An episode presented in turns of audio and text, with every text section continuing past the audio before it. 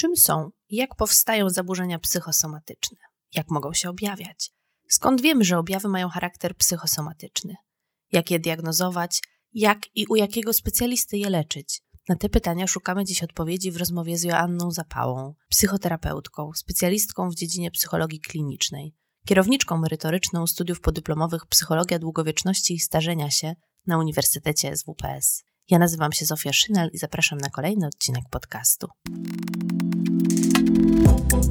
Strefa Psyche Uniwersytetu SWPS. Psychologia bez cenzury. Więcej merytorycznej wiedzy psychologicznej znajdziesz na psycheswps.pl oraz w kanałach naszego projektu na YouTube i Spotify. Zapraszamy. Dzień dobry, Pani Anno. Bardzo miło mi Panią gościć w dzisiejszym podcaście. Przyznam szczerze, że nie mogłam się doczekać tej naszej dzisiejszej rozmowy, ponieważ e, temat zaburzeń psychosomatycznych wydaje mi się niezwykle ciekawy. Czy mogłybyśmy zacząć od tego, żeby powiedziała Pani słuchaczom, czym są i jak powstają zaburzenia psychosomatyczne? Dzień dobry, mi również bardzo miło. Cieszę się, że będziemy mogły porozmawiać o psychosomatyce, bo to jest również taki obszar psychologii i medycyny, właśnie tak na pograniczu, który również bardzo mnie interesuje i pasjonuje od wielu lat. I mimo tego, że wiele lat zajmuję się tym obszarem, to w dalszym ciągu jest to taki obszar, y, gdzie mam wrażenie, mm, że jeszcze wiele rzeczy nie wiem. I, i z takim dużym zainteresowaniem rozpoznaję to, co nowego się pojawia w, w tym obszarze y, psychosomatyki i, i też y, właśnie takich medycznie niewyjaśnionych objawów w tym, w tym obszarze związanym z takim niekorzystnym, niedobrym e, funkcjonowaniem e, pacjentów, które po prostu wpływa na ich pogorszenie jakości życia. No więc jeżeli chodzi o psychosomatykę, jak możemy w ogóle rozumieć e, zaburzenia psychosomatyczne, myślę, że najłatwiej jest je rozumieć w taki sposób, że są to pewnego rodzaju e, zaburzenia, e, czy też choroby, objawy o takiej naturze somatycznej, e, Natomiast nie można znaleźć jakiegoś uzasadnienia, oparcia w wynikach badań medycznych. No i często pacjenci, którzy zgłaszają się do specjalistów, psychoterapeutów, którzy zajmują się leczeniem pacjentów z zaburzeniami psychosomatycznymi, mają takie doświadczenie, że przez e, długi czas jednak starają się zdiagnozować e, swoje e, zaburzenia, choroby u lekarzy. Często są to właśnie neurolodzy, tak, lekarze pierwszego kontaktu, inni lekarze specjaliści, kardiolodzy, endokrynolodzy, gastroenterolodzy i ci specjaliści, mimo wielu badań y, wykonywanych, też nie potrafią odnaleźć y, uzasadnienia dla objawów, które, które doświadczają te osoby. Także te osoby też mają taką historię długą diagnozowania. Mówi się o tym, że średnio to jest okres dwóch lat, zanim te osoby trafią do gabinetu psychoterapeuty, żeby no, zająć się tymi przyczynami psychologicznymi zaburzeń. Mhm. Czyli można powiedzieć, że zaburzenia psychosomatyczne to są takie dolegliwości z ciała, których nie jesteśmy w stanie wyjaśnić żadną inną przyczyną, której szukałby lekarz, tak? Tak, tak. I e, pewnie e, istotną e, rzeczą tutaj jest, że mimo tego, że y, zazwyczaj psychoterapeuci, którzy podejmują się pracy y, psychoterapii takich właśnie pacjentów, też do końca nie mogą mieć pewności, czy jednak te osoby no, nie mają jakiejś choroby, e, dlatego że no, mamy, nawet to tak brzmi, ale mamy 6 tysięcy chorób rzadkich, które trudno jest w ogóle e, tak zdiagnozować i wykryć. Nieraz diagnostyka trwa bardzo długo. Poza tym też należy z taką pokorą podchodzić do naszej pracy, E, pamiętając również o różnego rodzaju na przykład e, chorobach takich jak alergie pokarmowe, które też należy wziąć pod uwagę, jak e, choroby odpasożytnicze, jak na przykład borelioza, czy jak właśnie choroby wirusowe albo jakieś może toksyny, które są metale ciężkie, które my też jako psychoterapeuci nie jesteśmy w stanie wykryć. I tutaj tak ważna jest taka pokora nasza przy leczeniu właśnie tej grupy pacjentów, i pewnie to też się będzie wiązało po pierwsze z rozumieniem tego, skąd bierze się, e, skąd biorą się tego typu objawy u pacjentów i, i też e, tym, w jaki sposób e, negatywnie wpływają te objawy na funkcjonowanie, na życie, na, na radość życia właśnie tych osób, bo często one prowadzą do, do cierpienia i i my y, mamy do czynienia z osobami, które realnie cierpią. Natomiast y, też to, co słyszę bardzo często w gabinecie, to to, że pacjenci y, słyszą od lekarzy, że na przykład to tylko w Twojej głowie, tak? Czy to tylko w Pana głowie, albo to nic poważnego, bo wyniki badań nie potwierdzają poważnej choroby, Natomiast pacjent przeżywa y, na przykład ból realnie, go realnie boli, mimo tego, że nie jest w stanie lekarz zdiagnozować przyczyny. Hmm? Jakie najczęściej dolegliwości e, okazują się być właśnie poprzez to, że nie zostały inaczej zdiagnozowane e, zaburzeniami somatycznymi? Jak sobie myślę, to wyobrażam sobie, że pewnie takie niespecyficzne właśnie, tak? Czyli jak ból głowy, jakieś dolegliwości z układu pokarmowego, co jeszcze? Tych dolegliwości może być bardzo dużo e, i różnego rodzaju.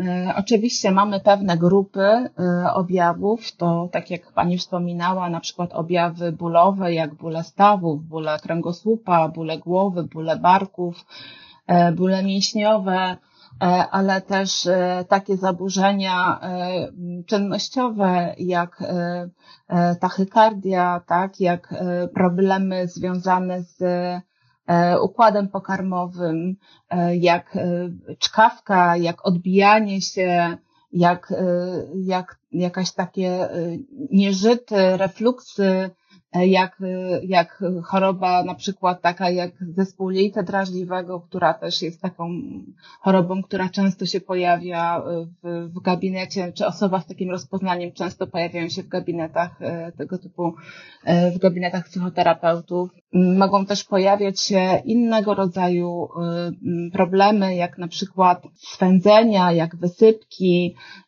różnego rodzaju choroby skóry, ale też problemy związane z e, takim mm, funkcjonowaniem intymnym, płciowym, e, jak bóle podczas stosunku, jak bóle, silne bóle e, przed miesiączką, czy w trakcie bardzo silne, bolesne krwawienie, czy też takie objawy związane z, z taką satysfakcją obcywania seksualnego, radością w ogóle seksu, też objawy bólowe się pojawiają w tym obszarze. E, to jest taka jedna grupa, e, natomiast e, mamy też inną grupę zaburzeń, które możemy nazwać zaburzeniami konwersyjnymi. I to też są zaburzenia psychosomatyczne. I one mają takie objawy jakby rzekomo neuro, neurologiczne można nazwać, bo raczej są to objawy, które i choroby, które są leczone przez neurologów, takie jak na przykład e, jakieś drgawki, jakieś takie objawy rzekomo padaczkowe, e, jakieś niedowłady, e, paraliże, może to być utrata wzroku, słuchu, utrata głosu. To mogą być tego typu objawy i to jest bardzo trudne dla pacjentów, dlatego że y, no, jest to objaw dla pacjenta ewidentnie neurologiczny, a mimo e, wszelkich badań niestety lekarze neurolodzy nie potrafią znaleźć y, tutaj uzasadnienia w badaniach obrazowych na przykład.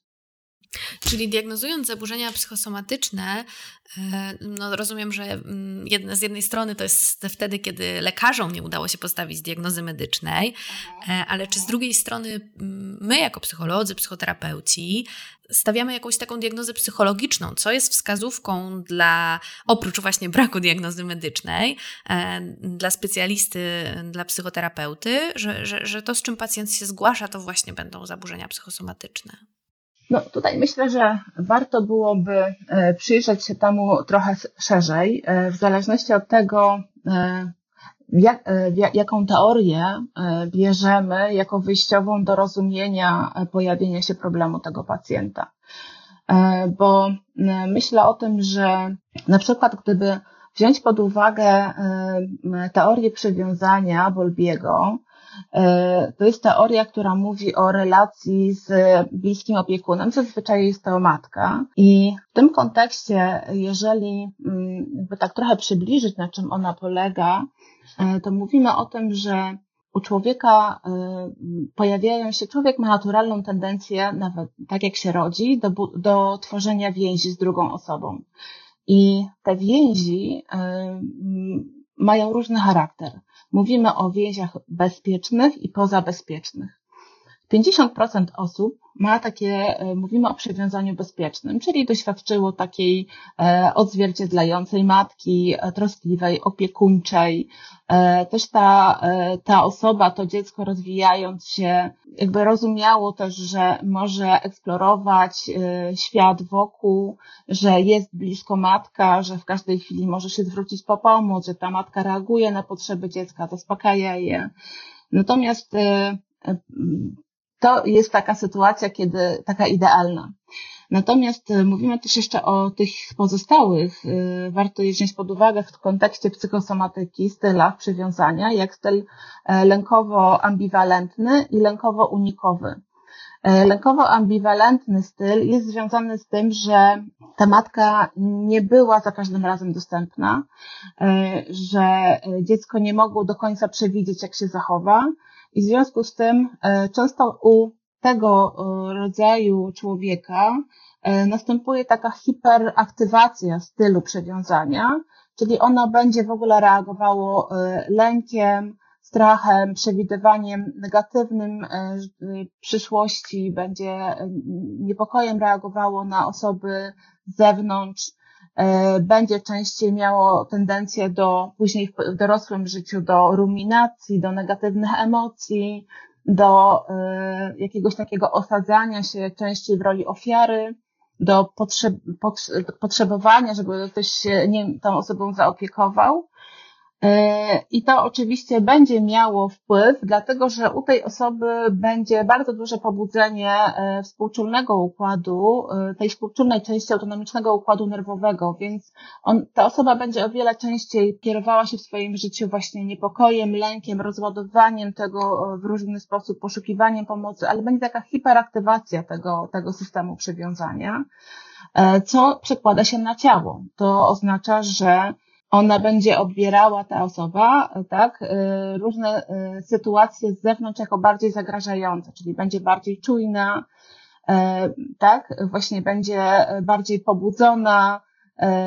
To oznacza też, że przebywa dłużej w, w takiej sytuacji stresu. A przebywanie w stanie takiego chronicznego stresu będzie oczywiście wpływało obciążająco na, obciążająco na nasze wewnętrzne organy i może prowadzić e, do e, powstawania zaburzeń czynnościowych narządów, a potem do zaburzeń organicznych, czyli po prostu uszkodzeń naszych e, narządów. Jeszcze inna e, ważna e, rzecz to właśnie osoby o stylu przywiązania unikowym i to też ma e, istotne znaczenie z perspektywy psychosomatyki, dlatego że są to osoby, które nie doświadczały takiego, można powiedzieć, synchronizacji też pomiędzy potrzebami dziecka a, a, ma, a opieką matki. I one w wyniku e, takiego, nie wiem, niezaspokajania swoich potrzeb po prostu wycofały się z, z dążenia do tego, żeby te potrzeby były zaspokaj, zaspokajane.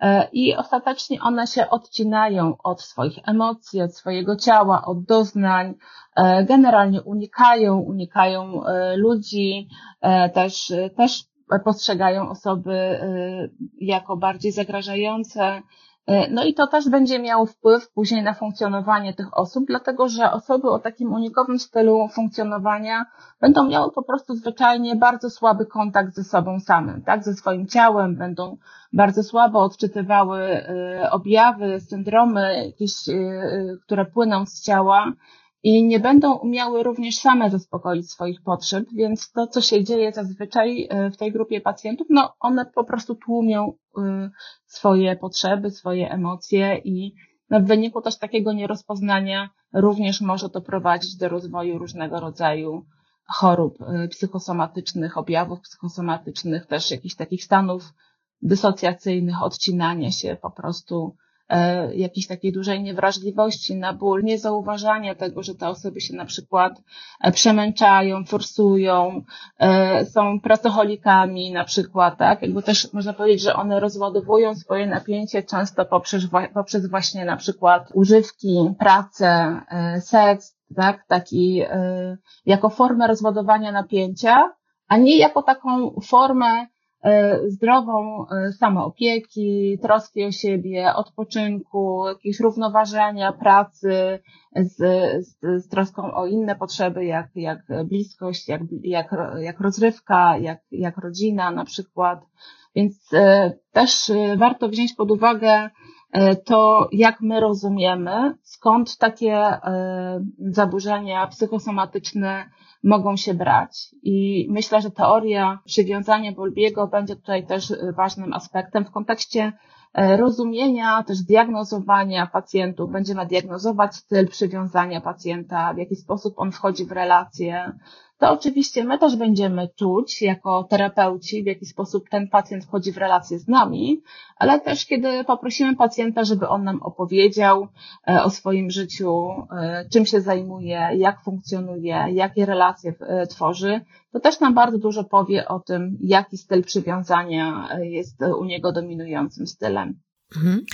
Czy wtedy, kiedy mm, pacjent zgłasza się po pomoc z bólem, E, i cierpi w związku z nim, to pewnie chciałby mm, no, jakby poradzić sobie z tym bólem, uporać się z nim tak, żeby więcej nie cierpieć, żeby nie bolało. Ale czy zdarza się tak, że ten ból jednocześnie pełni jakąś funkcję, e, a w związku z tym pożegnanie się z nim, choć, choć deklaratywnie mm, no, no, pacjent zgłasza taką chęć, e, no, jest trudniejsze albo też wręcz niemożliwe? Czy tak może być? No, to jest e, e, niezwykle ważne, żeby terapeuta, który pracuje z pacjentem, który doświadcza bólu, też postarał się zrozumieć e, funkcję tego bólu. Też chodzi o to, żeby pacjent też zrozumiał funkcję tego bólu właśnie, bo nie zawsze o to chodzi, żeby natychmiast objawu się pozbyć. Tak? No bo też rozumiejąc to, że objaw to jest rozwiązanie konfliktu, który przejawia się w takim języku narządowym, może się przejawiać w języku bólowym właśnie, no to rozumiemy, że e, ten objaw jest temu pacjentowi w danym momencie, na ten moment, kiedy my się z nim spotykamy, potrzebny. Na razie tak sobie radzi z tymi wewnętrznymi konfliktami, tak tak zaspokaja swoje potrzeby, w sposób oczywiście zupełnie nieświadomy wytworzył sobie taki objaw, tak? On oczywiście nie, nieintencjonalnie. To jest po prostu bardzo ważne. Dlatego też ważne jest to, żeby terapeuta y, zapytał, poznał y, sposób y, rozumienia tego objawu pacjenta, co to dla, co dla niego oznacza ten, ten objaw, w jakich sytuacjach się pojawia, kiedy pojawia się nasilenie tego objawu, czy może pojawiały się jakieś sytuacje wcześniej, które jak, jak on to pamięta, kiedy ten objaw pojawił się po raz pierwszy, albo jaką istotną sytuację może przypominać y, ta sytuacja, w której objaw się e, pojawił. Więc y, na pewno to jest istotne, że w ogóle terapia psychosomatyczna to nie jest terapia krótkoterminowa. To jest forma jednak e, poznania, poznania tego pacjenta. Też y, naszym zadaniem nie jest e, czynienia cudu. Tak? Nieraz pacjenci się zgłaszają i e, oczywiście mówią o tym, że najchętniej chcieli, żeby, chcieliby, żeby po prostu wziąć jakąś magiczną e, pigułkę, tabletkę, żeby ten objaw w ogóle zniknął. Mhm, to chyba też wynika z tego, że właśnie dlatego, że czują ból, to spodziewali się pewnie i od takiej diagnozy zaczynali, tak, że coś się dzieje takiego w ciele, no i od lekarza dostaną receptę na tabletkę, a tu się okazuje, że nie tylko nie ma tabletki, ale jest perspektywa długoterminowej psychoterapii. Powiedziałabym, że w trakcie trwania psychoterapii pacjenci zyskują coś takiego, o czym w ogóle nie myśleli, że mogliby zyskać zanim zgłosili się do terapeuty. Dlatego, że Często pacjenci działają na takim poziomie dysocjacji, takiego oddzielenia, że nawet taka pigułka z zewnątrz byłaby kolejną dysocjacją, jakby kolejnym oddzieleniem. E, to jest działanie, możemy powiedzieć, krótkofalowe. Psychoterapia ma działanie długofalowe, żeby osoba nauczyła się samoopieki, takiej troski, żeby nastąpiło samopoznanie, żeby ta osoba też zrozumiała, dlaczego, dlaczego coś się dzieje, w jaki sposób y, ona mogłaby y, poradzić sobie następnym razem, jak rozwiązać problem, z jakich zasobów własnych może skorzystać, w jaki sposób może y, ustabilizować się, ugruntować, znaleźć oparcie, uspokoić, jakby wyregulować ten rozregulowany układ nerwowy. Myślę, że, mm, a przede wszystkim to, co dzieje się w procesie psychoterapii, to to, że nawiązuje się silna więź, empatyczna, empatyczna relacja. E, I warto o tym pamiętać, że w, trakcie psychoterapii, kiedy faktycznie e, pacjent ma taką, e, ma takie przekonanie, że jest w relacji z osobą, z którą czuje się bezpiecznie, to w trakcie relacji, kiedy ten pacjent może opowiadać o swoich przeżyciach, bo pamiętajmy, że to też często są osoby, które mają różnego rodzaju silne traumy i też chętnie jeszcze o tym wspomnę, kiedy pacjent ma świadomość tego, że może opowiedzieć o swoich e, różnych przeżyciach, trudnościach w obecności empatycznego świadka, to e, w ramach tej relacji e, wydziela się u tego pacjenta oksytocyna, tak? czyli taki hormon, który jest e, hormonem budującym właśnie więź, relacje, który sprzyja procesowi zdrowienia i jest to zmiana na poziomie po prostu funkcjonowania naszego mózgu. I, i tak jak inne rzeczy metody, strategie, których uczy się pacjent, jak na przykład e, technika, czy w ogóle całe podejście, które jest związane z mindfulness, z uważnością, które e, też powodują, że ten pacjent zyskuje na nowo kontakt ze sobą, on się na nowo jakoś zaciekawia sobą, zyskuje właśnie takie poczucie, że może sobie poradzić, jakieś takie przekonanie E, o kontakcie ze swoją wewnętrzną mądrością, z mądrym umysłem, jak się mówi w dialektycznej terapii behawioralnej, gdzie jakoś tak łatwiej mu będzie e, w przyszłości też wybierać, dokonywać wyborów, które są zgodne z jego potrzebami, bardziej wprost mówić o swoich właśnie potrzebach, zaznaczać te granice, Także to wszystko też jest związane z, z procesem psychoterapii. I to, co wiemy też o mindfulness, no to mindfulness również y, badania pokazują, ma bardzo dobry e, wpływ na funkcjonowanie pacjenta, pacjentów, poprawia, e, zagęszcza neurony, w, włókna neuronów w, w hipokampie, rozrzedza w, w, w ciele migdałowatym, które jest e, odpowiedzialne między innymi za takie nadmiarowe przeżywanie różnych sytuacji jako zagrażających. E, też hipokamp wpływa na, na takie e, nasze lepsze zapamiętywanie, koncentrację, więc też te zmiany, które się pojawiają w wyniku psychoterapii, są to również zmiany na poziomie strukturalnym mózgu, więc jest to niezwykle ważne, bo to Psychoterapia jest jedną, jednak formą terapii biologiczną, tak jak pokazują badania, między innymi. Zaintrygowała mnie ta trauma, o której Pani powiedziała. Czy to znaczy, że doświadczenia traumatyczne e, będą predysponowały nas do zaburzeń psychosomatycznych w przyszłości? Tak, mamy coraz więcej badań na ten temat y, związanych z wpływem wczesnodziecięcych y, wydarzeń. Między innymi były takie badania, które y, były to były badania podłużne, wczesnodziecięce niepożądane wydarzenia ACE, inaczej, które były robione przez kilkanaście lat w Stanach Zjednoczonych. To było, grupa liczyła 17 tysięcy osób i były to badania przesiewowe, które odby, y, to był taki kwestionariusz, który wypełniali pacjenci, e, kiedy przychodzili do, na wizytę do lekarza rodzinnego. I tam e, pacjenci odpowiadali na e, pytania z dziesięciu takich grup, czy do 18 roku życia pewne wydarzenia miały miejsce. No i się okazało, że w, tej, w tych badaniach na przykład 28% osób miało doświadczenie przemocy takiej fizycznej, tam 21% miało doświadczenie wykorzystania seksualnego. To były też różne, dokładnie pamiętam tych wszystkich procentów, natomiast były tam takie pytania związane z, czy w tym okresie, kiedy się wychowywały, mieszkała z nimi osoba, która miała zaburzenia psychiczne, albo ktoś z członków rodziny był E, był w więzieniu, albo ta osoba wobec niej była przemoc e, psychiczna, albo była zaniedbywana ta osoba, e, albo była po prostu pochodziła z rodziny, w której rodzice się rozwiedli, była separacja. Jakby było kilka takich obszarów, albo że był ktoś uzależniony rodzic.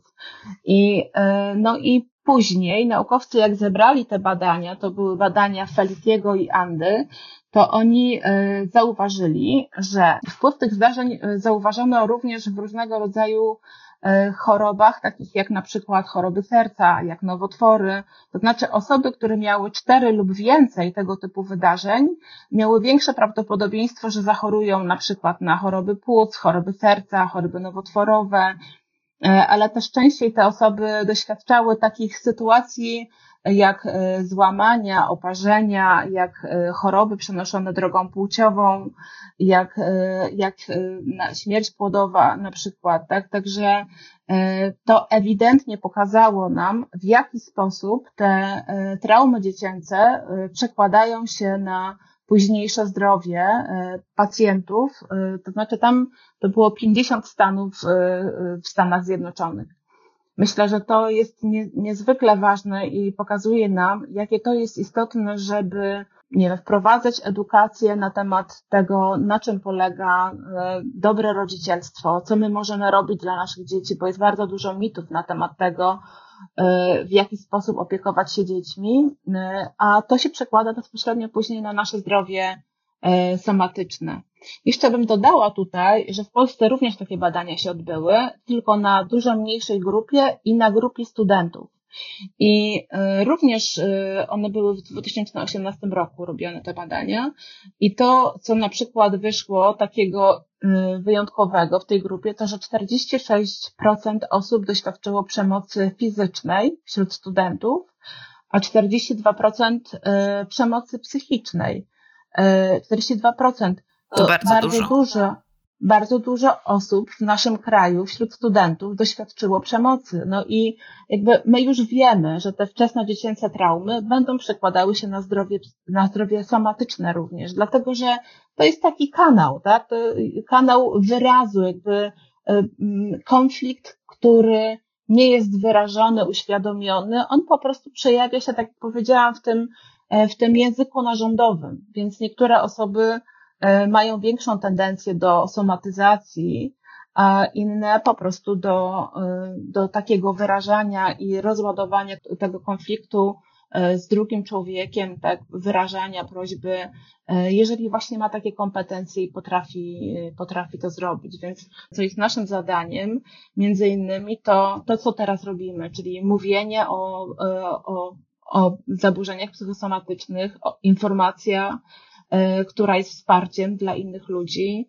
żeby mieć większą wiedzę na ten temat, w jaki sposób można sobie lepiej radzić. I to między innymi też dzieje się w gabinecie psychoterapeuty, tak? Psychosomatyka, który e, pracuje z tymi pacjentami tak jakby na nowo pracuje z pacjentem, żeby on poczuł się bezpiecznie, żeby poczuł się bezpiecznie sam ze sobą, w swoim ciele, żeby umiał czytać w ogóle objawy, które płyną ze swojego ciała, żeby umiał dbać o siebie, troszczyć się o siebie, żeby był dla siebie dobrym przyjacielem, żeby był dla siebie życzliwy, żeby też, y, żeby też sam y, wobec siebie y, używał życzliwego języka, tak, żeby był wsparciem, bo często to, co my spotykamy, to pacjenci się złoszczą bardzo na siebie, tak, że są chorzy, że ta choroba ich dotknęła, że są niezadowoleni z tego powodu, że się wkurzają na siebie.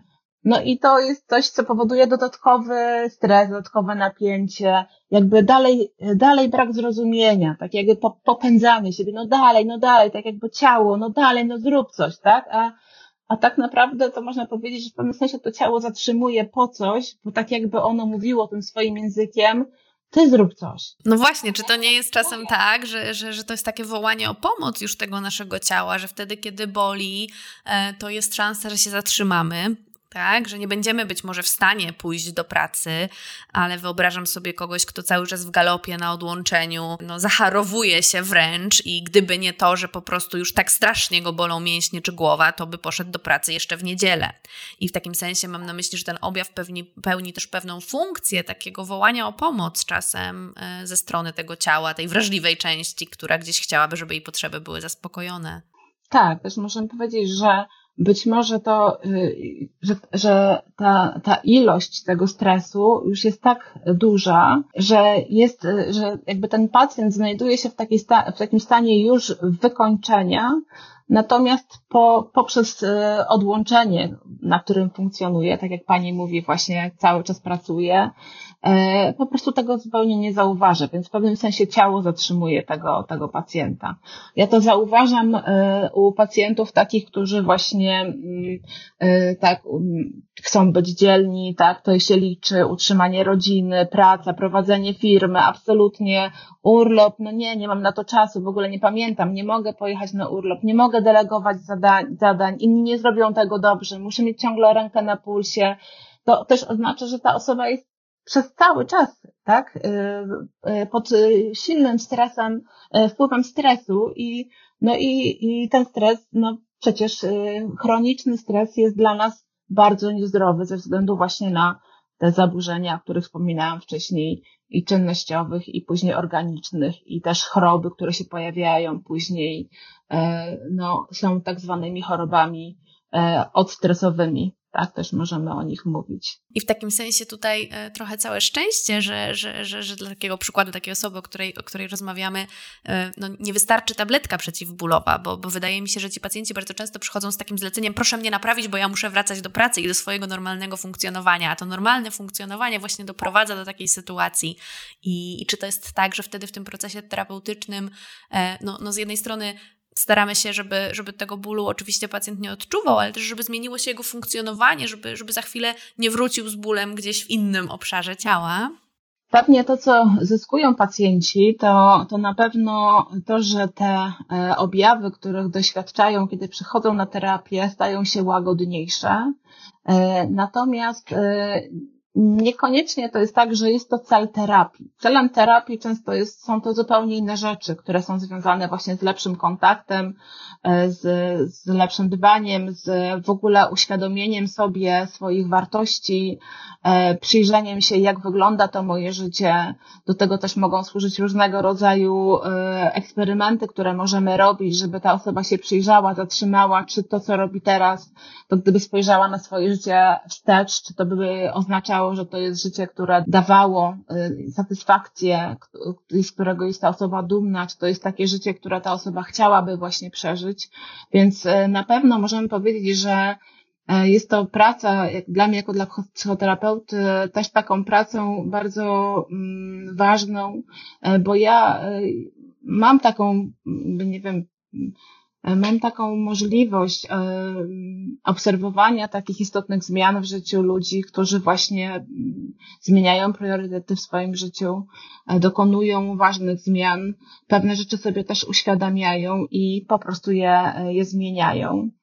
E, I to też jest istotne dla mnie, kiedy myślę o takich zupełnie E, objawach konwersyjnych, takich zaskakujących, dziwnych. Tutaj na przykład przypominam sobie pewną pacjentkę, która jako ostatnie dziecko została w domu swoich rodziców, bo starsze rodzeństwo już się wyprowadziło, a ona mieszkała z rodzicami, ojciec nadużywał alkoholu i pod wpływem alkoholu, alkoholu yy, był agresywny, yy, dochodziło do awantur, rękoczynów. E, I ta pacjentka e, miała takie przekonanie, że ona ma taki dobroczynny wpływ na ojca i potrafi go uspokoić, jedynie ona, tak jakby na nią spoczywa ta odpowiedzialność, żeby nic się nie stało matce. A sama była w związku z chłopakiem od dwóch lat i w którymś momencie ten chłopak e, poprosił ją o rękę i zaproponował, żeby ona zamieszkała razem z nim. I bardzo szybko ta pacjentka e, dostała paraliżu nóg i przestała e, chodzić. wylądowała na oddziale neurologicznym, gdzie lekarze nie potrafili jej pomóc, ponieważ wszystkie badania wykluczyły przyczyny biologiczne, medyczne i, i możemy powiedzieć, że ten objaw miał taki symboliczny charakter. To, czego potrzebowała ta pacjentka, to ona potrzebowała tego, żeby się upewnić, że może skorzystać z pomocy, która jest z zewnątrz, że nie ona jest odpowiedzialna za relacje pomiędzy rodzicami, że może poprosić o pomoc swoich, e, e, swo, swoje rodzeństwo, tak, swoich, e, swoich bliskich, że może skorzystać z pomocy, która jest pomocą instytucjonalną. I wtedy, kiedy ona jakoś zyskała takie przekonanie, że ta pomoc jest możliwa, to faktycznie zaczęła e, odczuwać e, poprawę i faktycznie no, wróciła do pełnego, z pełnej sprawności.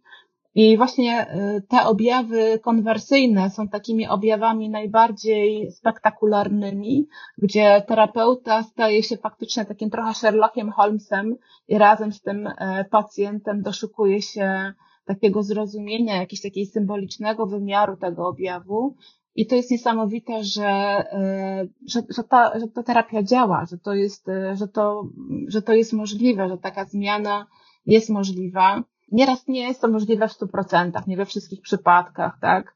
Natomiast bardzo wiele możemy zrobić e, i, i, bardzo dużo zależy tutaj od współpracy, od bezpiecznej więzi, dobrego takiego dopasowania pomiędzy terapeutą i pacjentem, więc tak jak pani zapytała o to, ten objaw często jest po prostu niezbędny. Tak jak w tym wypadku tej pacjentki myślę, że to był taki e, etap rozwojowy w życiu tej dziewczyny, kiedy ona wychodziła z tego domu rodzinnego i w pewnym sensie ta rodzina ona e, traciła stabilizację, którą dawała jej ta pacjentka, natomiast koszt stabilizowania takiej rodziny był dla tej pacjentki zbyt wysoki. No koszt był związany też z jej takim osobistym szczęściem i pójściem e, dalej. Ale jeszcze bym powiedziała o jednej ważnej kwestii, dlatego że my, kiedy mówimy e, o psychosomatyce, to też warto pamiętać o tym, że że również drugą jakby nogą jest somatopsychologia, czyli wspieranie osób, E, które już chorują na poważną chorobę somatyczną, bo często mhm, właśnie czyli od drugiej objawy, strony. Mhm. Od drugiej strony, dokładnie. Często te objawy psychologiczne mogą bardzo negatywnie wpływać na e, e, przebieg choroby somatycznej, podstawowej. E, ja też pracuję jako psychoonkolog i, e, i na przykład spotykam się z takimi problemami wśród pacjentów, którzy E, na przykład bardzo obawiają się chemioterapii i e, ten lęk e, paraliżuje, powoduje jakby dodatkowe objawy, pojawia się antycypowane wymioty, tak, jakby już na samą myśl podania chemioterapii, ogromne napięcie, więc czy lęk przed konkretnymi badaniami, jak rezonans magnetyczny na przykład. Więc tutaj też jest ważna pomoc psychologa. W wielu chorobach, na pewno y, chorobach przewlekłych, taka pomoc psychologiczna jest bardzo potrzebna, bo ona będzie łagodziła objawy choroby podstawowej, też będzie wpływała na jej przebieg, na proces zdrowienia, leczenia, oczywiście, bo wtedy, kiedy aktywna jest ta współczul, y, współczulna część autonomicznego układu nerwowego, kiedy pacjent jest sparaliżowany lękiem, no, nasz układ odpornościowy jest wyłączony, on nie działa sprawnie. My potrzebujemy współpracować z psychologiem, z psychoonkologiem, z psychosomatykiem, żeby aktywować tą przywspółczulną część autonomicznego układu nerwowego, która jest odpowiedzialna właśnie za reakcję relaksu, za regenerację organizmu, to wtedy nasz organizm się wzmacnia, regeneruje i y, jest to y, bardzo ważne, Równocześnie jest to ogromna pomoc dla lekarzy, dlatego że ci pacjenci mają mniej objawów, oni się na mniej rzeczy skarżą, oni mają mniej doznań bólowych. Często te doznania bólowe są po prostu jakąś taką formą też y, wołania o pomoc, y, też takiego po prostu zupełnie oczywiście y, nieintencjonalnego zwracania uwagi na siebie, otrzymania pewnej troski. Też warto o tym pamiętać, że pacjenci, którzy chorują, na pewno mimo strat wynikających z choroby, niepełnienia pewnych ról społecznych, zawodowych itd., tak mają pewne zyski, które płyną z tej choroby. To jest paradoksalne, bo chodziłoby o to, żeby może bez pośrednictwa tej choroby zadbać o to, żeby zadbać o odpoczynek, o odprężenie, o właśnie taką dobrą relację z kimś bliskim, o aktywność fizyczną, o, o właściwą mikrobiotę jelitową, która też będzie wpływała na funkcjonowanie naszy, naszych nerwów, na naszych, naszych emocji. E, I, i tutaj e, te, też lekarze to podkreślają, zwłaszcza kiedy mówię tutaj o psychoonkologii, że to jest niezwykle cenne, bo ci pacjenci po prostu mają o wiele mniej skarg.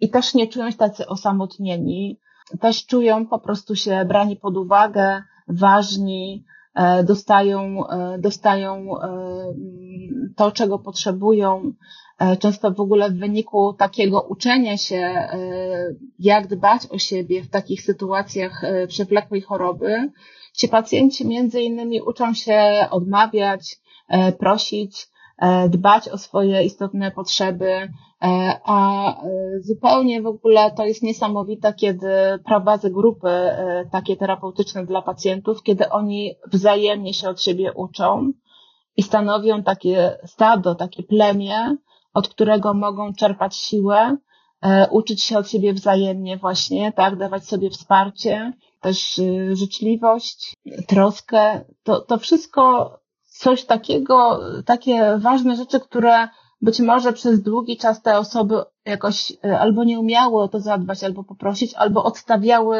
na bok, bo zupełnie nie miały świadomości, że takie potrzeby mają.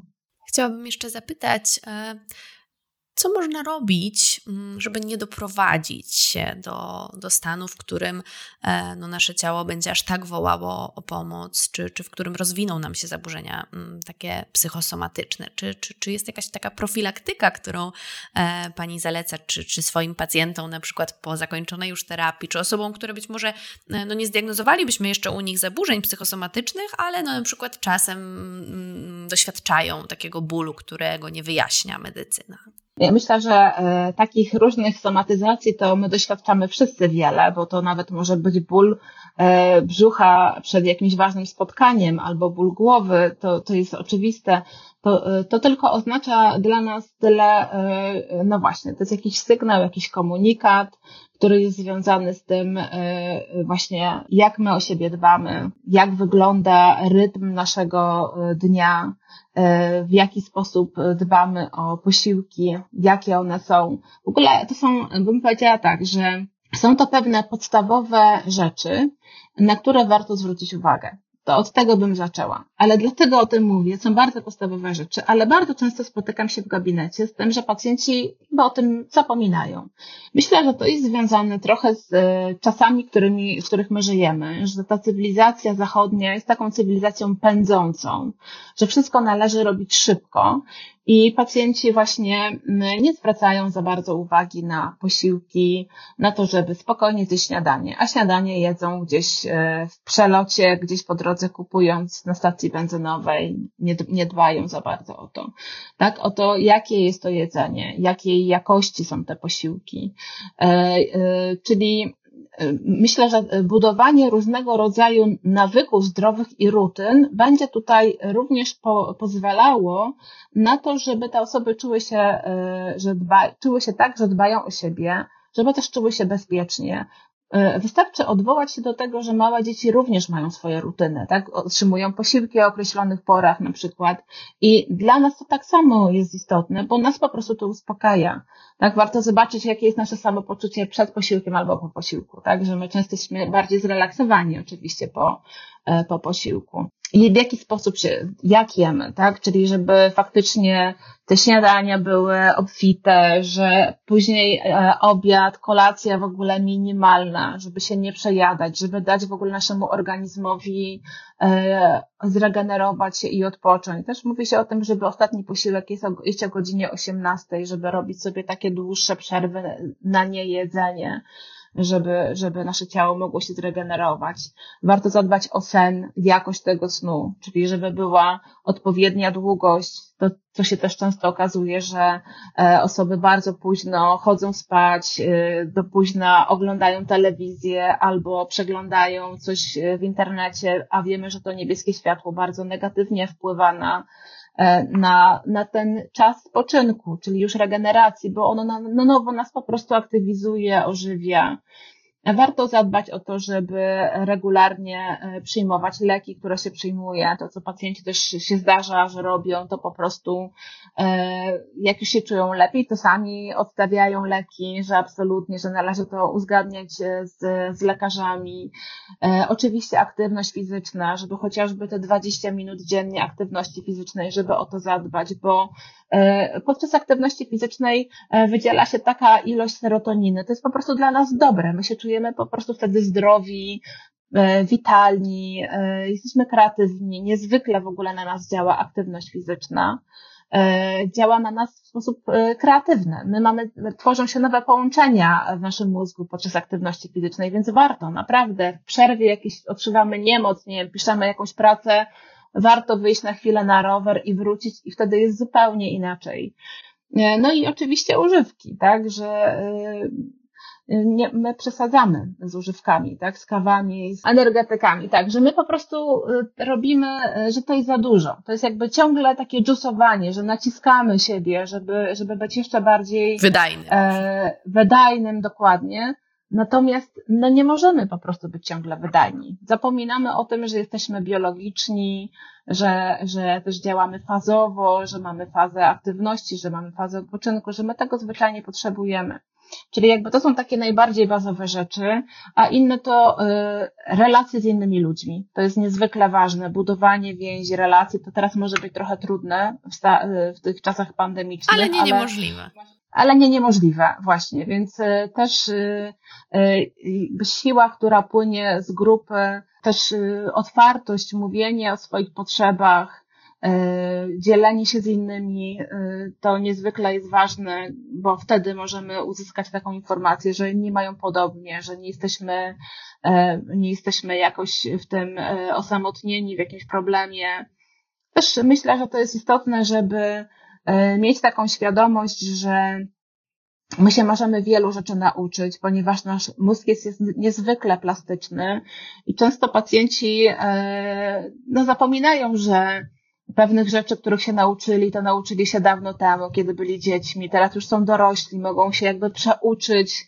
Trochę mogę użyć takiej metafory, że jakby e, korzystają z takiego nieaktualnego rozkładu jazdy, cały czas go używają, a mimo tego, a już jest zupełnie nowy, więc my możemy też zacząć trochę przyglądać się tym schematom, według których żyjemy, kwestionować w ogóle te nasze prawdy, które zdobyliśmy kiedyś, nauczyć się czegoś nowego, też trochę właśnie nieraz z jakimś lękiem, niepokojem e, w kieszeni, bo nie zawsze tak jest, że my możemy różne rzeczy, które są dla nas ważne, robić bez lęku, e, bo tak się też nie da, ale mimo lęku, żeby się angażować w takie rzeczy, które mają dla nas znaczenie, które są dla nas ważne, które nam, e, które nam służą. Kiedy je robimy, to czujemy, że jesteśmy skuteczni, więc y, myślę, że tego typu rzeczy będą dla nas bardzo pomocne, takie jak na przykład też czas dla siebie, e, jakiś, jakaś aktywność, która jest tylko moja, na którą przeznaczam czas. E, y, I jest to czas dobrej jakości po prostu, tak? Czy, czy to są jakieś prace ogrodowe, czy to jest czytanie książek, czy to jest właśnie, nie wiem, jeżdżenie na rowerze, E, czy to jest studiowanie jakiegoś e, wybranego dla siebie kierunku, czy robienie czegokolwiek innego, ale coś, co jest tylko moje. To jest też niezwykle ważne, bo ja wtedy mam kontakt z sobą samym, mam czas na jakieś przemyślenia, na ważne pytania, na odpowiedzi. Też to, co nam może dawać, e, co jest ważne, to w ogóle takie zatrzymywanie się na, w tym, co tu i teraz, kontakt ze sobą, właśnie może uważność będzie czymś takim, mindfulness, mam na myśli czy to może być taka praktyka formalna, że ja siadam i praktykuję przez pół godziny, medytuję? Czy to będzie praktyka nieformalna, że ja bardzo uważnie jem mój posiłek, albo bardzo uważnie odkurzam, albo bardzo uważnie myję naczynia, cokolwiek, tak? Albo bardzo, bardzo uważnie po prostu czeszę psa. Więc na pewno, na pewno mm, takie zwolnienie, bardziej uświadomienie sobie właśnie tego, że, że ja jestem w tym życiu, że, że jestem istotnym e, ogniwem, a nie tylko działanie, zadania, jakieś cele, które sobie wyznaczam. Myślę, że to jest niezwykle ważne i, i warto o tym pamiętać. Mm, tego byśmy wszystkim Państwu życzyli, takiego zatrzymania. Pani Joanno, bardzo to jest wszystko ciekawe. Zastanawiam się, czy mogłaby Pani naszym słuchaczom e, polecić jakąś lekturę albo może miejsce, gdzie, e, czy źródło, w którym mogą znaleźć więcej informacji na ten temat. Lektur jest bardzo dużo e, a propos psychosomatyki. Natomiast mogłabym polecić kilka książek. Na przykład e, teraz wyszła bardzo ciekawa książka, dopiero co się ukazała, ale już ją przeczytałam i mi się bardzo podobała. Gdy ciało i dusza wysyłają SOS. To jest wydawnictwo otwarte. Aleksander Kugelstad E, potem e, bardzo ciekawa książka, e, to jest książka, którą uwielbiam. Ona dotyczy traumy, ale też pozwala nam rozumieć taką etiologię powstawania różnego rodzaju zaburzeń psychosomatycznych, bo też warto o tym pamiętać, że ta trauma, jednym z komponentów w ogóle takiego traumatycznego przeżycia mogą być objawy somatyczne, o, czym mówi Peter Levin, więc też polecam różne książki Petera Lewina, ale też książkę Strach ucieleśniony, Marcela van Kolka, świetną książką dla osób, które interesują się trochę bardziej neuro, e, taką e, psychofizjologią, to będzie książka Dlaczego zebry nie mają wrzodów. Sam pol, Bardzo ciekawe jest, że nasi eksperci polecają ją w każdym podcaście, więc rzeczywiście ja też znam tę książkę jeszcze ze studiów i, i, i cały tak. czas się przewija. Ona jest fajna, on bardzo ciekawe badania prowadził zresztą różnego rodzaju.